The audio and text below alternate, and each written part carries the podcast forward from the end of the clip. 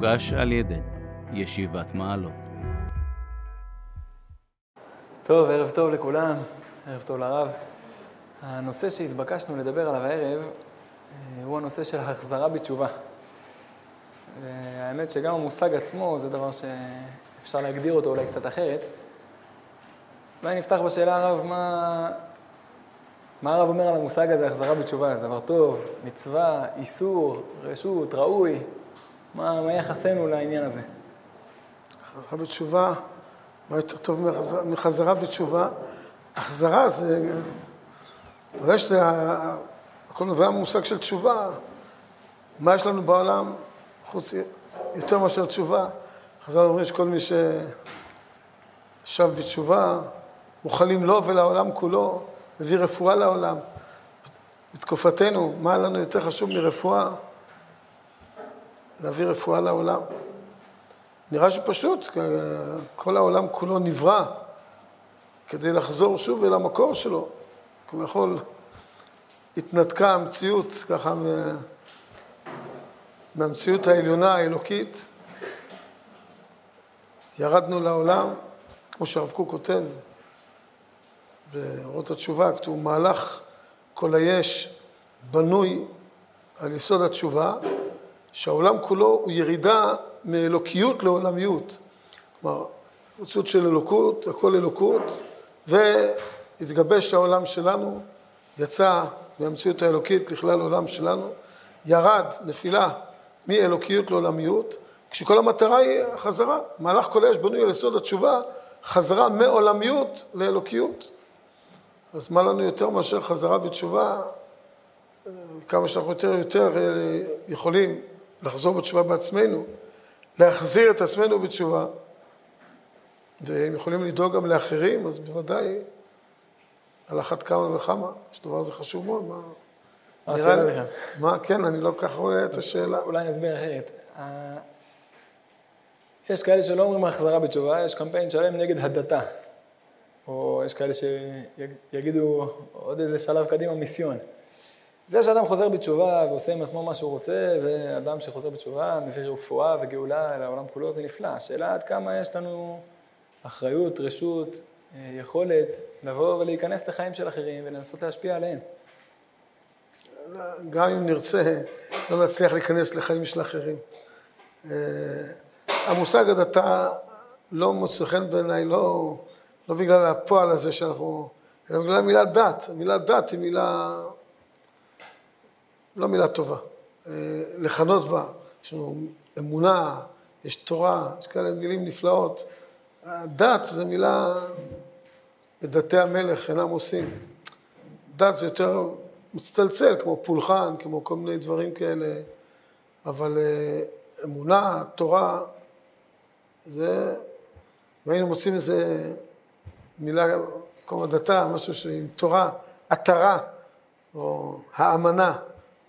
זה מילים נפלאות, ודאי, מה, אני חושב שמילים נהדרות, אני חושב שזה לא נקרא כניסה, לא נכנס לאף אחד לחיים. ודאי שאי אפשר להשתיק אותנו, למה, למה להשתיק? יש לך משהו לומר לעולם, אתה חושב, יש לך דברים שאתה חושב שהם נכונים, ואתה חושב ש... חשוב שכולם ידעו אותם ויחיו על פיהם. למה, למה למנוע את זה? אל תמנע טוב מבעליו. אסור לנו לשמור את זה אצלנו. לא נכנס לחיים של אף אחד, כל אחד בסופו של דבר הוא יבחר, לא יכול לכפות עליו. אמנם בזמן חז"ל, אז uh, היה מושג קצת של כפייה, אדם אומר, אני עושה סוכה, מקין אותו עד שתצא נפשו. והיה בגדול, בתורה, בצורה כוללת, אז היה גם מושג של כפייה, אבל הוא עבר מן העולם, עבר מן העולם, ככה הרב קוק לפחות ראה את הדברים, אה, שהמושג כפייה לא שייך. בזמננו העולם, נקרא לזה, התקדם, והיום הדברים צריכים לבוא יותר בהסברה, יותר בהבנה, המושג של כפייה פחות שייך. אה, בפשטות זה נראה כיוון שפעם כולם היו, בגדול בגדול, כולם היו אנשים מאמינים, אנשי תורה, ורק יצר הרע הוא זה שגרם לאדם אה, לא, לא לעשות סוכה או לא, או לא לקיים חלק מהמצוות. זה יצר הרע. לא משנה מאיזה כיוון, אבל סוג של יצר הרע. אז לכן צריך להכות אותו כדי לשבור את היצר. היום המקור של החטאים, כפי שנראה, הוא לא יצר הרע בצורה סתמית, אלא המקור של החטאים הוא יותר רוחני, יותר אנחנו אמורים להגיע למדרגות גבוהות, והכפירה היא בדרך למדרגות יותר עליונות של הסברה, של רוחניות יותר של האדם, ולכן היום אין מקום לכפייה, אבל למקום להסברה, לנסות לגעת בנקודה הפנימית של האדם, דברים היוצאים מהלב, שייכנסו ללב, ייכנסו לעומק של האדם, אני חושב שזה הדבר שהכי חשוב שיש. אני גם לא רואה... מה... מה לא, לא, אני, אני לא יכול, אני לא נכנס לחיים, לא עושה שום דבר, אני בסך הכל אומר את האמת שאני מאמין בה. האנשים שאומרים הדתה זה אנשים שמפחדים מהאמת.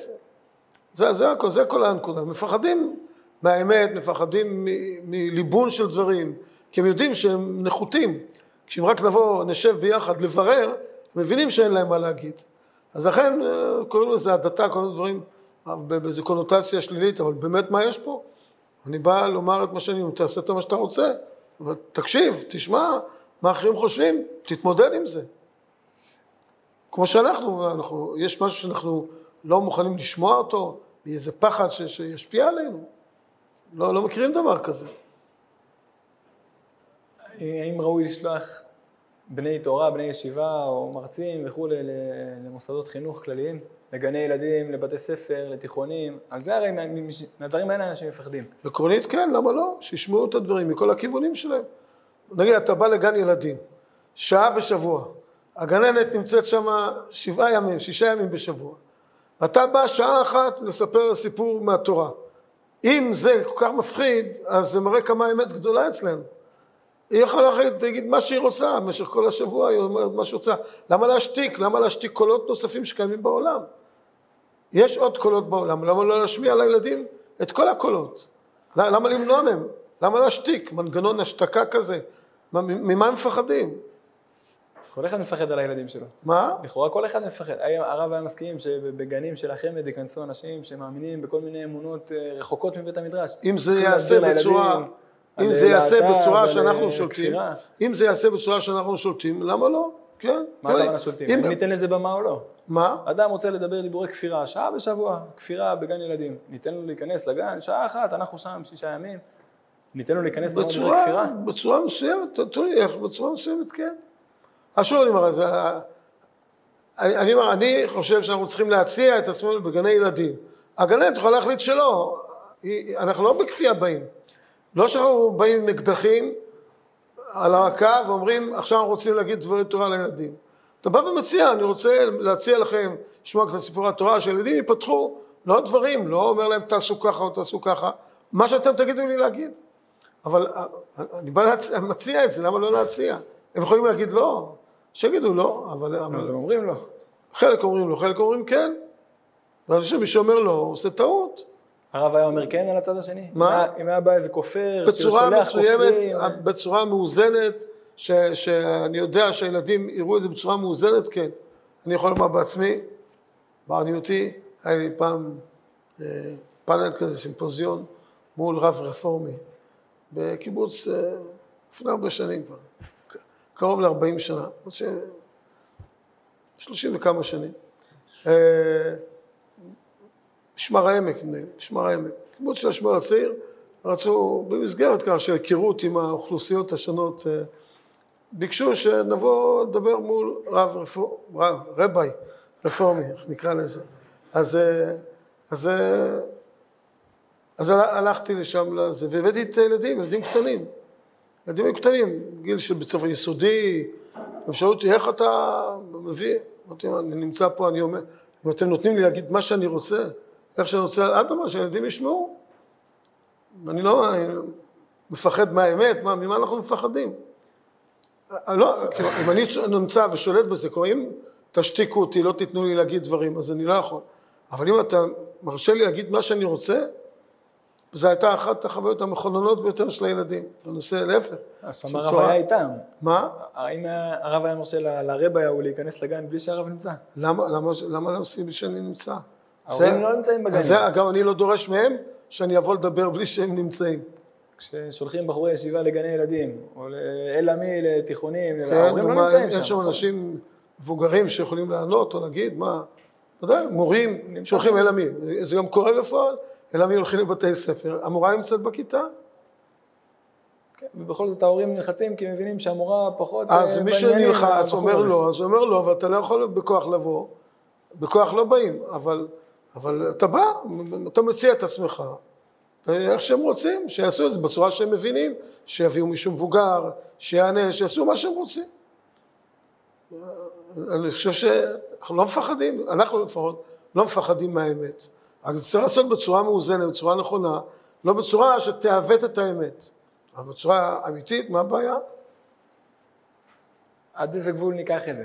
מיסיונרים שפועלים, גם הם רק מציעים ורק עם חיוכים, אף אחד לא עם אקדחים, והם משתדלים בחיוכים ונחמדות לחדור לאן שהם מצליחים. נכון. זה דבר לגיטימי? ב... מה? זה דבר לגיטימי, זה קביל, תקין. מבחינתם זה לגיטימי, למה לא? מבחינתנו. אנחנו צריכים לא להסכים לזה, שוב, לא בגלל שאף אחד מהאמת, כי זה באמת נעשה לא בצורה שעוד מישהו נמצא שם, זה נעשה בצורה של פיתויים, של כסף ודברים כאלה, שבאים לאוכלוסיות חלשות, כל מיני דברים שהם לא נעשים בצורה, אה, זה נעשים בצורה סמויה, הרבה פעמים בצורה סמויה. אם בצורה גלויה יבוא מישהו ואיזה פאנל, מה, פעם אחת סירבנו לאיזה פאנל מול מי שיהיה, מה, לא היה דברים כאלה, גם כולל הילדים שלנו. כשהייתי רם בכפר רועה, אז הבאתי חילונים להיפגש עם התלמידים. אנשים חילונים, הייתי בכיתה, הבאתי חילונים שידברו, הבאתי בתי ספר שידברו עם התלמידים מול, שישבו להפך. רציתי שיזעזעו את התלמידים, אני נמצא שם ושאני יכול לאזן, אבל שהילדים ישבו ושהחילונים ישאלו אותם שאלות שהם לא ידעו לענות, רציתי את זה. ואז הם באים לשאול, ואז הם אחר כך שיעורי אמונה יותר הקשיבו, מה שלפני כן פחות. אבל אחרי זה, זה גרם לזה שיותר יקשיבו, יותר ישאלו, יותר ירצו את זה. והבאנו אנשים חילונים, למה לא? ממה, ממה יש לפחד? האמת לא מפחדת שום דבר. אתה בסך הכל באמת רוצה רק לברר את האמת, אין לנו משהו אחר. רוצים לברר את האמת, אם מישהו יגיד לנו דברים, שבאיזה חידוש קרה, שנצטרך להתמודד איתו, בכיף. בפועל לא היה כמעט דבר כזה, לא זוכר שפעם שאלו אותי איזושהי שאלה שלא חשבתי עליה קודם. היה פה ושם דברים, אבל בשוליים. אבל דבר כזה, פתאום איזו פצצה שלא ידעת, מישהו פתאום ישאל, לא, לא, לי לא הייתה חוויה כזאת. כן, אבל הרב הוא באמת דוגמה קצת קיצונית בחברה, כי סך הכל הרב, ברוך השם, נטוע באוהלה של תורה. יש הרבה אנשים, אני מניח, שיש להם איזושהי כיפה כזו או אחרת על הראש. הם לא היו רוצים שהילד שלהם בגן, בבית ספר, פתאום יבוא לו איזה מישהו ככה חדור אידיאלים של נכון. בחירה או של... אפשר להבין אותם לכאורה. אפשר להבין אותם, כן, אפשר להבין אותם, וכל אחד יעשה כהבנתו. שוב אני אומר, אם יש מישהו בכיתה, יש מישהו שנמצא בחבורה, שיכול לענות, אני חושב שזה דבר חיובי וטוב ונכון. שגם יהיה בצורה הפוכה, שגם יבואו חילונים. אבל שבאותה חופשיות ייתנו לנו לדבר שם, שיהיה מישהו מהם שם. ושייתנו לנו באותה חופשית לבוא לדבר על הדברים. זה לא, זה לא קורה. כשאני הייתי צעיר, אז באמת הפחד יותר היה מאוד תנועה גדולה של חילוניות. נגיד מהכיתה שלי, כיתה ח', המשיכו לתיכון דתי מעט אנשים. כלומר, בכל השכבה, אני חושב שרוב המשיכו לתיכונים, תיכונים חילוניים. מעט המשיכו לישיבות תיכוניות, בקושי היה דבר כזה. היה, אבל לא, לא בכמויות. אבל התנועה הייתה יותר תכונה של חילון. ואז באמת היה יותר פחד שחילוני יבוא לדבר. ובאיזשהו שלב זה התהפך, ואני אפילו לא הבנתי, אני זוכר שהיה פעם שאסרו בצבא לבוא לרבנים, לבוא להרצות, היה אסור. אה, לקח לי זמן לעכל את זה שהדור התהפך, ובעצם היום הם מפחדים שאנחנו נבוא לשם. המעבר הזה היה מעבר מאוד מעניין, וזה נהיה בדיוק הפוך, נהיה פתאום שהם מפחדים. לפני הפחד היה אצלנו. מה זה אצלנו? אני הייתי בתור ילד, אני רק זוכר ש, שהיה איזה חשש כזה ש, שניפגש עם החילוניות. ו, ופתאום זה התהפך, ופתאום הם מפחדים. ממה יש לפחד? עם ישראל בתהליך של תשובה? מה? עם ישראל בתהליך של תשובה, של התקרבות? באופן כללי, עם עם ישראל? נראה לי שכן. בגדול כן. עוד לא מספיק, אבל צריך, כן. להפך, מהלחץ הגדול שהציבור החילוני נמצא, ומהדיבורים על הדתה, בצבא, אתה רואה, מהפחד, מהלחץ הגדול שהם נמצאים בו, מזה אני מבין שיש כאן תהליך של תשובה. ש, שהם מאוד חוששים, מאוד חוששים ממנו. ו, ולכן הם כל כך נלחמים בו. אולי נגיע אז לפרקטיקה, האם ראוי לעשות? מה? איך ראוי לעשות? זאת אומרת, האם באמת הדרך לחזק את רוח העם, לקרב, או החזרה בתשובה, האמנה והתרה, האם לא עדיף לתפוס עמדות מפתח משפיעות בתקשורת, בפוליטיקה, בהנהגה, בכל מיני מקומות, בקהילות, בערים, ודרכם להשפיע את האידיאולוגיות? או באמת לעבור דלת דלת ולדפוק ולנסות לדבר? א', כל- כל הדרכים טובות. בגדול, לא במפגש, מפגש בלתי אמצעי של בירורים של הדברים, זה הדבר הכי טוב שיש. אה, ואותו צריך לעשות, רק באמת בצורה עמוקה. בנקודה הזאת, אולי אם הייתי שואל את השאלה, נראה לי שזה פחות אה, שאלה אם בתקשורת, שיהיה גם בתקשורת, שמישהו רוצה ללכת לתקשורת, שילך לשם. השאלה היותר קשה, לעניות דעתי, בנושא הזה של חזרה בתשובה, או החזרה בתשובה, זה באיזה דרך ללכת. יש את הדרך, הייתי אומר, גם מסוימת, החרדית, מסוימת, יש דרך של החרדים בצורה שהם פועלים בה, ובהצלחה יחסית, אה, אני חושב, די גדולה.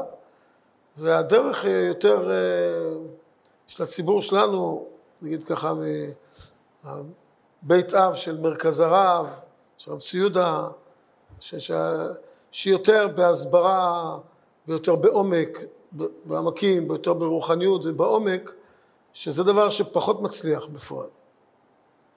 וזו שאלה אולי נגיד, זה, אם אני יכול עכשיו לקחת ציבור, ויגידו, תשמעו, אם אתם תלכו בדרך החטאים והפשעים, גיהנום, ומישהו שיתאר להם בדיוק ככה, איזה ברייתא, בדיוק איך, אה, כמה מעלות האש שמה, והצואה הרותחת, לתאר באמת את ה... מה קורה שם בגיהנום בתיאורים הכי חיים שיש, וזה יעזור, ואנשים מפחד יחזרו בתשובה, צריכים להגיד להם רעיונות של הרב קוק, ורעיונות גדולים וכולי. אז אולי עוד עשר שנים, במפגשים קבועים, אולי יקרה משהו. אז מה עדיף? זו, זו שאלה, אני חושב ש... אם יש מה להתלבט, לעניין אותי בשאלה הזאת. עדיף. כמו מצידנו, זו נראה לי ההתלבטות ש, שיכולה להיות קיימת, והרבה פעמים הציבור אצלנו מרגיש ככה רגשי נחיתות ליד החרדים, שהם יותר מצליחים בדרך הזאת, של, שיש בה גם לפעמים קצת העלמה של האמת, ו... מציירים את הציורים לא תמיד בצורה הנכונה, האמיתית, מול הדרך שאנחנו התחנכנו עליה, של לומר את האמת, גם הגבוהה והגדולה כמובן בשפה, בצורה ש... שמתאימה לאנשים לשמוע, אבל לא בהפחדות, אלא באמת בבירורים, בדרך של בירור, לוקח יותר זמן, אם בכלל. אז זו, זו נראה לי שאלה שיש מקום, שאלה זו שאלה שמעניינת את האנשים. מה? מה, מה, לכאורה כן, מה? כן. יש פסקה של הרב, ככה, במוסר הקודש, באורות הקודש, על מוסר. שיש מוסר, מוסר הקודש, מוסר גבוה, שאתה גם כן מדבר ברעיונות גבוהים של מוסר, מול המוסר הטבעי הפשוט, להיות אדם טוב, בצורה, תהיה טוב, כדי שגם יעשו לך טוב, בצורה הפשוטה, האדיוטית, האנושית הפשוטה. הרב קוק כותב, הוא כדאי, משהו מעין, מעין המילים הללו, הוא כדאי הדבר שיטעה האדם ויפול נפילה אחרי נפילה ויגיע בסוף אל האמת הגדולה, מאשר יהיה כל החיים באיזושהי אמת בינונית כזאת, יחיה בצורה הבינונית ולא יגיע אף פעם אל האמת. ככה הרב קוק אומר כדרך, שאם אתה שואל, אז עדיף שאדם אפילו יטעה ויפול, אבל כשהוא יגיע, יגיע לאמת הגדולה, זה עדיף על פני שכל החיים הוא יחיה באיזה משהו בינוני, נמוך, אפילו שקרי, ונגיד יניח תפילין, אבל, אבל בעצם הרקע הרעיוני והכל יהיה שקרי, אז עדיף, כי אנחנו בסופו של דבר רוצים את האמת, רוצים את האמת הגדולה, על זה נברא העולם וזו המגמה. ואם הדרך שלנו לא מובילה לשם, אז היא לא דרך נכונה. הדרך צריכה להיות דרך שמובילה לאמת הגדולה, האלוקית העליונה, גם אם היא ארוכה. לא מפחדים מדרך ארוכה, כלומר זה, זה, זה באמת יותר ארוך, וזה אם בכלל מגיעים, אבל, אבל אם בכלל מגיעים, מגיעים למשהו גדול. ולהישאר באיזושהי מדמנה כזאת של, של מציאות נמוכה, עדיף שלא. ככה הרב קוק לפחות אה, מציג את זה בצד של המוסר, ואני חושב שזה אותו רעיון גם בעניין הזה. שעדיף, אפילו שיטעו האנשים ויפלו, אבל יגיעו בסוף לאמת האלוקית הגדולה, מאשר יחיו באיזה משהו בינוני כזה, נמוך, ש, ש, שלא מוביל אותם לשום מקום. הבינוני הזה הוא לא... מה? הדבר הבינוני הזה, שוב, לא מדבר על הפחדות ו... ודברים שהם לא האמת, אבל סתם איזה כולל ערב כזה של מחזירים בתשובה, דברים שקיימים בלי סוף, שלומדים שם גמרא, לומדים שם הלכה, לומדים שם מדרשים, בסך הכל לומדים שם תורה. אנשים מניחים תפילין ומתחזקים ושומרים שבת, האם זה לא שלב בדרך לאמת הגדולה? למה זה חוסם? זה לא עדיף על כלום, זה טיים אחד ש... זה חוסם, ודאי שזה חוסם. לפעמים, שוב, מה שכל אחד עושה, הכל מבורך, ושיעשו, והכל בעין טובה. אבל אם לא אומרים את הדברים הגדולים, יכול להיות שבעצמם לא יודעים אותם גם. אולי הם היו יודעים, היו גם אומרים. אבל, אבל לא לחיות בתחושה שאתה באמת עושה את הדברים מה שצריך. כשזה לא ככה, דבר לא, ו- ו- ו- ואין לך שום נקיפות מצפון, או שום איזה חיפושים או משהו, כי אתה כבר בטוח שאתה חי את הכי נכון שיש. אתה מקבל את האסכומה מכל הרבנים, שזאת צורת החיים הנכונה, אז אני חושב שזה דבר שהוא שלילי מאוד, כי הוא לא מוביל לאמת הגדולה, העולם לא נברא למשהו בינוני. הקדוש רוצה אותנו גדולים, רוצה אותנו אמיתיים, ולחיות באיזו מציאות נמוכה ולהישאר בה ולהרגיש בה טוב, אני חושב שזה בעיה. איך הבעיה הזאת, שוב, הבעיה חלקה יהיה שבנגר יצטרכו לעבור עוד פעם את התהליך של הכפירה כדי להגיע לאמת הגדולה. אז עם בנגר, אז, אז עוד דור תהיה כפירה שם. אז עדיף כבר לחסוך את זה, וללכת בדרך הארוכה של האמת היותר עליונה. איך הרב מסביר את זה שבאמת הרבה מאוד בעלי תשובה לא מוצאים את עצמם בתורת הרב קוק, או לא, זה אפילו לא אופציה הרבה פעמים, וגם אם לא, זו אופציה היא נופלת. זה, זה הנקודה, לא רק בעלי תשובה, גם צדיקים גמורים. הנה חינמי, שאלה גדולה לכאורה. כי, כן, אנשים הם לא קטנים, ואם האמת גדולה, היינו מצפים שכולם... כן, הרב קוק, הרב קוק באמת כתב את הדברים בצורה מאוד גדולה, מאוד עליונה, לא כל כך מונגשת. זה, זה היה סגנונו, יכול להיות שזה הסגנון של דברים גדולים. הרב קוק בתוך הדברים שלו הרבה הרבה כתב דברים פנימיים, סתרי תורה שהוא הביא אותם לידי גילוי בצורה הזאת, ולכן הסגנון הוא מאוד קשה, מאוד עליון, וצריכים את הסבלנות ואת האורך רוח ואת הגדלות, הפתיחות המחשבתית והגדלות המחשבתית כדי להתחבר ולהבין את הדברים של הרב קוק. עכשיו מי שאין לו את הסבלנות הזאת וזה אצה לו הדרך, והוא מחפש דברים יותר מהירים, אז הרב קוק הוא לא הכתובת. עם ישראל אצה לו הדרך? מה? עם ישראל אצה לו הדרך? הוא לא מלא באנשים גדולים, עם שאיפות גדולות, כן, כן, יש אנשים, יש אנשים שאצה להם, בנקודה הזאת, יחסית, אצה להם הדרך, כן. כן. כמה אנשים גדולים, אני יכול לראות לך בספרים, שכתבו, וחלקם כתבו את זה באמת, אין לי עסק בנסתרות, את הביטוי הזה. גם רבנים גדולים, אין לי עסק בנסתרות, אני לא יודע דברים, זה, כן, זה, מישהו במשפט כזה, זה אחד שאצה לו הדרך. אין לו את הסבלנות, הוא יודע, מקצוע בתורה, אמת אלוקית עליונה, הדברים, אלא מה? זה צריך לעבור שלבים כדי, הרמח"ל כותב, באדיר במרום, הוא כותב הרמח"ל, שהדברים בפנימיות התורה, ספרים גם של הארי ואחרים, הם בכוונה כתובים בצורה מבולבלת. ככה הוא כותב את המילה מבולבלת. בצורה מבולבלת, כדי שמי שאין לו באמת את הסבלנות ואת הרצון החזק, זו הצורה שבה הרחיקו את מי שלא מתאים לזה. אז מי שאין לו סבלנות ובאמת משתוקק ומוכן לעבור איזשהו שלב אה, של איזה מכשולים כדי להגיע לאמת, אז נופל שם. אז יש אנשים שאץ עליהם הדרך ולא מוכנים לעשות עוד מאמץ לעבור עוד איזה מכשול, אז הולכים לדברים המוכרים יותר, הידועים, מה ששמעו מהרבנים שלהם, ו- ו- ורק לדברים המוכרים, ולא מוכנים לכבוש יעדים חדשים, דברים חדשים, כי אין את הסבלנות, כי לכבוש יעד חדש זה לוקח אה, יותר זמן, יותר מאמצים. השאלה אם זאת, זאת באמת הסיבה היחידה ש, שרואים את הפער הגדול הזה, או שיש דבר, הבדל ניכר מאוד, שבעולם החרדי בגדול, יש הרבה הרבה יותר מוטיבציה לעסוק בהחזרה בתשובה. זאת אומרת, המון אנשים, כל איזה אברך שני, והרבה מוסדות, ואין סוף אה, רבנים שעוסקים בזה, ואברכים, ותלמידים, קיצור, כולם בעניין פחות או יותר. אה, ובעולם של תלמידי הרב קוק, יותר קשה למצוא רצון לזה בכלל. זה לא שמסתובבים בצמתים ולא פותחים מוסדות כל שבוע ולא... יש לי בזה איזו מחשבה, אני לא יודע, אני מתלבט להגיד שלא ייראה כאילו... אבל פעם, בתחושה שלי במפגש, אולי נגיד, בתחושה שלי, לא, אני לא אומר שזה ככה, אני מקדים, לא יודע אם זה ככה. בתחושה שלי, עם מפגש של חלק מהחרדים, אני ראיתי שהמוטיבציה הגדולה הזאת נובעת קצת מחוסר ביטחון. באמת.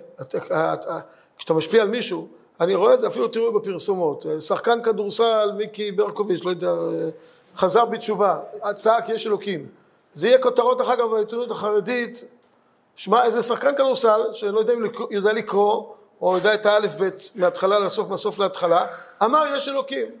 וואו, איך זה מחזק אותו. בבנייני האומה, או אני יודע, בהיכל התרבות בזה, מביאים שחקני קולנוע, קארטה, חגורה שחורה, שאמר יש אלוקים. אז השטויות האלה, זה מלמדות על איזשהו חוסר ביטחון. אם אתה צריך איזה שחקן קולנוע שיגיד לך שיש אלוקים, לא מספיק לך הרב קוק, לא הרב סולובייצ'יק, לא החזון איש, לא הרמב"ם, אלה קטנים עליך.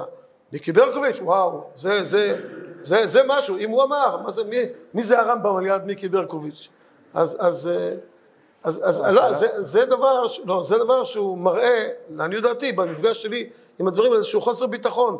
אתה צריך את השחקנים האלה שיגידו לך, ייתנו לך יותר הרגשת, באמת כנראה יש אלוקים, אם כל אלה אומרים, אז זה, זה, זה, זה התחושה שלי, אולי, אני אמרתי, הקדמתי, שאני לא יודע אם זה נכון, אבל, לא אבל, אבל התחושה הזאת שלי היא ש, שהמוטיבציה הגדולה לעסוק, אם אתה מצליח להחזיר מישהו בתשובה, אז נותן לך ביטחון שבאמת אה, אתה צודק.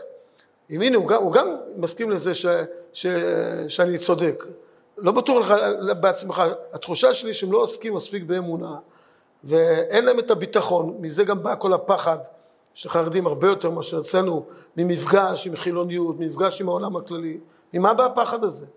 מהמפגש, עם, לא, לא, אני לא מדבר על עיתונים או דברים שליליים, מקצועות, לימוד, ליבה. מקצועות ליבה. ממה בא הפחד? מה, הם לא קראו את הגר"א שמי שאין לו עשר ידות בחוכמה, אין לו אפילו יד אחת בתורה? בפוניבש לא מכירים את הגר"א הזה? לא יודעים שהגר"א אמר ש, שהחוכמות זה דבר מאוד חשוב, שזה דבר ש, ש, שמאוד חשוב לתורה ו, ו, ולהכרת האלוקות. לא, לא יודעים את הגר"א הזה, רק אנחנו יודעים את הגר"א הזה. אלא, ממה הם מפחדים? למה הם מפחדים מהאקדמיה? מפחדים מכל הדברים האלה. הפחד שלהם הוא נובע מזה שאין להם ביטחון בדרך. ככה התחושה שלי. שיש איזה משהו סגור כזה, ככה, לא בא בביקורת אליהם, ככה ברא אותם הקדוש ברוך הוא, גם לזה יש את השליחות שלו, כל דבר יש לו את השליחות שלו, אבל זה משהו סגור, ש, שמפחד מכל uh, פרצה. אז חלק מהעניין זה גם, הצורה הזאת שאתה מצליח להחזיר מישהו בתשובה, זה עוד יותר מחזק את המעמד שלך. לי ככה נראה שמזה נובעת המוטיבציה הגדולה, אבל שוב, אני לא... אני מקדים ואומר, הקדמתי ואני מסיים, ואומר שזה לא, לא בטוח שזה האמת, אבל זו התחושה, זה נובע קצת מחוסר ביטחון, שאצלנו פחות קיים. אנחנו יותר פתוחים, יותר מכירים את העולם, יש לזה את המחירים של זה, אבל, אבל, אבל אני חושב שבגדול זה, זה דרך, כמו שאומרים, יותר ארוכה, אבל היא מובילה בסופו של דבר לאמת. צריך לחזק את המוטיבציה הזאת? מה? צריך לחזק את המוטיבציה הזאת? אצל תלמידי כן, הרב? אני חושב שכן. יש אחריות גדולה. ערבות הדדית, כל ישראל ערבים זה בזה. כשיש יהודי, כמו שחז"ל מציירים את זה, שכל אחד שהוא לא שומר תורה הוא כמו קודח חור בספינה. עם ישראל כולו זה ספינה ששטה, ואנשים קודחים בחדרים שלהם, כן? כל אחד בחדר שלו בספינה, הוא קנה את החדר הזה בכסף מלא. והוא עושה בשטח שלו מה שהוא רוצה, קודח חור בספינה, אבל מטביעים בזה את הספינה כולה. ולכן אנחנו, מאוד חשוב ש... שכמה פחות אנשים יקדחו חורים בספינה, וכמה יותר אנשים יסתמו את החורים. אז- אז איך זה באמת שלא רואים תנועת תשובה חזקה ציונית? או לא רואים מספיק, או איך אפשר לחזק אותה? אין, יש, נלחמים בזה מאוד. נלחמים בזה בצורה מאוד חזקה. החילוניות מאוד מפחדת מהדבר הזה, נלחמים בזה, ויש להם את הכוח, את התקשורת והדברים, האקדמיה, התקשורת, המנהיגות, הרבה, הרבה כלים יש להם להילחם בדבר הזה. אבל זה עובד, אני חושב שבגדול זה עובד. פעם זו תקופה שזמרים חוזרים בתשובה, פעם תקופה שאומנים אחרים חוזרים. רואים תהליכים כאלה, שאי אפשר כנראה לעצור אותם בעזרת השם. אה, צריך לראות, לחזק את זה כמה שיותר. ברמה המעשית, כתלמידי ישיבה, זה נכון גם אליי הבחור בשיעור א', ד', ו'?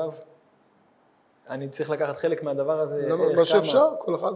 מה ש- שוב, מה שהוא יכול, בצורה שלא פוגעת בהתקדמות שלו, אלא להפך, מוסיפה להתקדמות, בהחלט כן, למה לא? איך אמר רבינו בביץ', מי שיודע קרוא וכתוב, ואחד לא יודע קרוא וכתוב, תלמד אותו קרוא וכתוב. מה- למה לא? אין סיבה שלא. וגם, אני אומר, גם לעמוד מול דברים אה, שאתה אפילו לא תדע לענות. ישאלו אותך, זה דבר טוב, זה דבר שיחזק את הרצון שלך ללמוד, להעמיק, כן.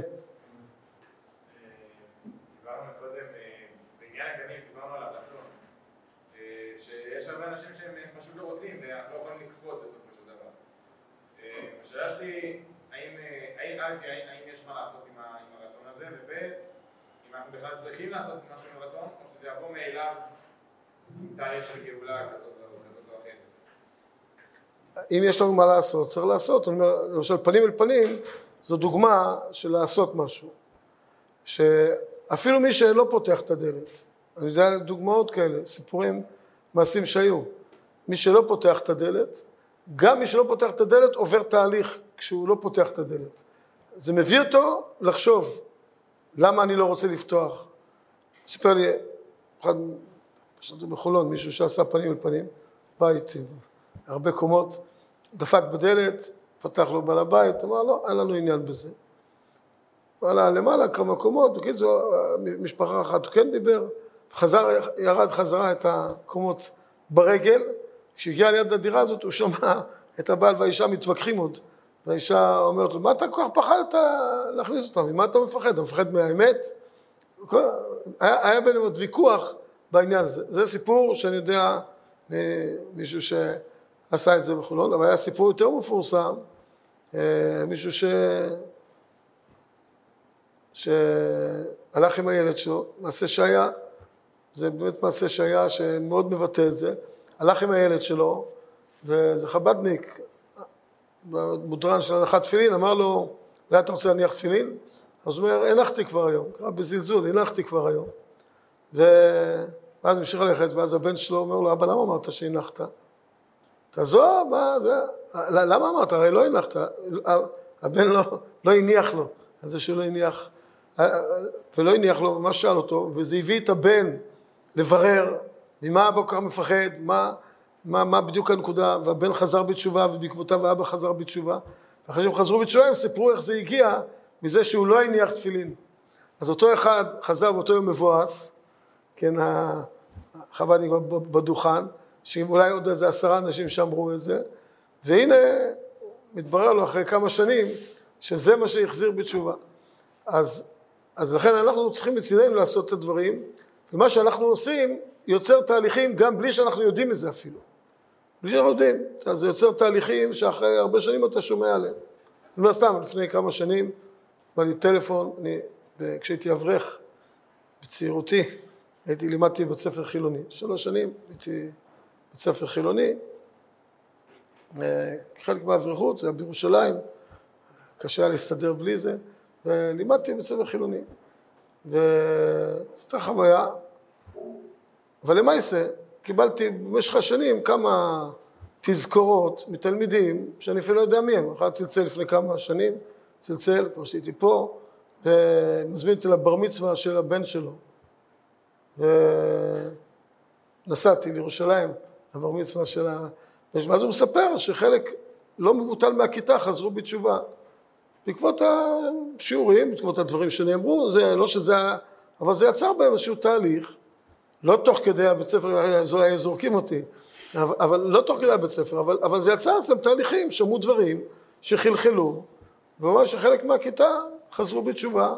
קיבלתי מכתב פעם איזו תלמידה שגרה באיזה קיבוץ דתי או יישוב, אה, גם כן שחזרה בתשובה, תודה רבה וכולי, וגם סיפרה על עוד... אה, אז דברים שאתה אפילו לא יודע עליהם, המפגשים, אתה דברים שאתה לא יודע, ו- ו- והם קורים.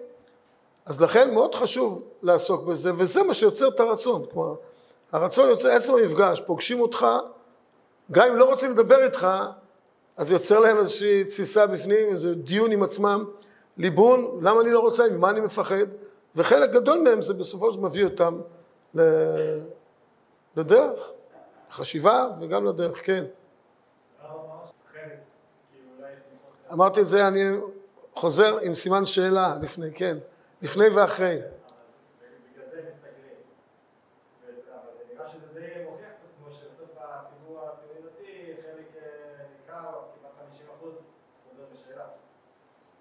כן, זה קשור למה שאמרנו מקודם. אני לא בטוח שהסטטיסטיקות האלה נכונות, אבל זה עניין בפני עצמו. אני, זה לא המציאות שאני פוגש אותה, נגיד ככה. זה לא המציאות שאני פוגש. והסטטיסטיקה, יש עליהם מקום לדון בהם. זה, המקורות זה מהלשכה המרכזית לסטטיסטיקה, שלא בטוח שהם יודעים בדיוק מה זה דתי, מה זה לא דתי. נגיד, בבית ספר אה, רגיל, כמו מעלות או, או עכו או, או נוף הגליל. בבית ספר הדתי שהם לומדים המון חילונים, ואחר כך חילונים, אז זה נחשב כדתי שנהיה חילוני, בסטטיסטיקה. כן, כי הוא למד ספר דתי, אז הוא נחשב דתי. לא משנה שסופרים 50 אחוז מהמשפחות הן משפחות חילוניות. אפילו בבית ספר פה, גם במעלות זה ככה. חלקם, לא כולם. אז אני לא בטוח שהסטטיסטיקה היא, היא, היא לגמרי מדויקת, אבל נגיד שכן, אפילו אם כן. השאלה היא, האם אנחנו אומרים את האמת או מעלימים את האמת. אני לא אומר את זה בכלל בביקורת על החרדים. יש מקורות בחז"ל שמותר לשנות. הגמרא מספרת, נגיד ש, שרבי ירמיה אמר איזה משהו, אמרו את זה בשם רבי ירמיה והציבור לא קיבל, אז אמרו את זה בשם רב, ואז הציבור קיבל. אז שינו מהאמת, והשדה חמד מביא את זה, תראו את השדה חמד בערך שקר, נדמה לי, לא בערך אמת אלא בערך שקר.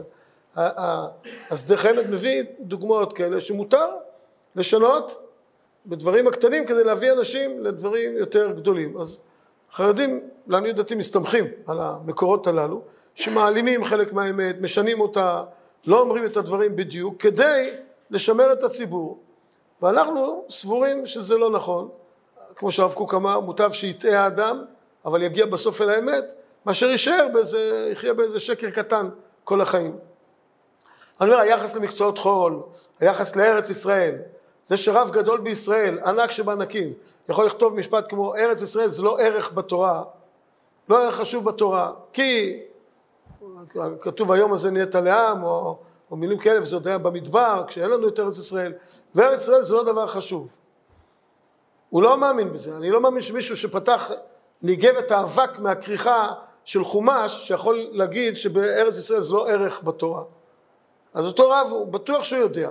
אבל הוא מבין שהוא יגיד ארץ ישראל, אז אנשים ירוצו לו לצבא, ילכו להתנחלויות, אני יודע מה. אז, אה, אז מעלימים את האמת, או אמרתי קודם, ביחס למקצועות חול. אין מישהו מחכמי ישראל שלא רואה בגמרות, כל הגדולים, רמב"ם, רמב"ן, כל מי שאתה רוצה, מה לא עסקו במקצועות? כולם עסקו, גדולי ישראל בכל הדורות.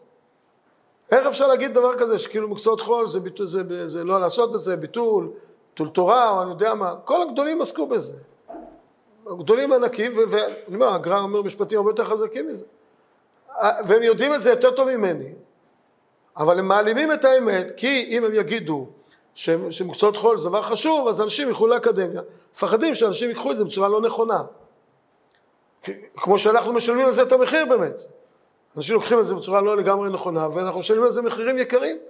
אבל הרב קוק כותב ככה, ואני, בעניותי, הוא לא צריך אותי, אבל אני מזדהה עם הדברים האלה, שעדיף שתהיה איזושהי נפילה בדרך אל האמת הגדולה, ולא להישאר באיזה אמת קטנה או באיזה שקר קטן כל החיים.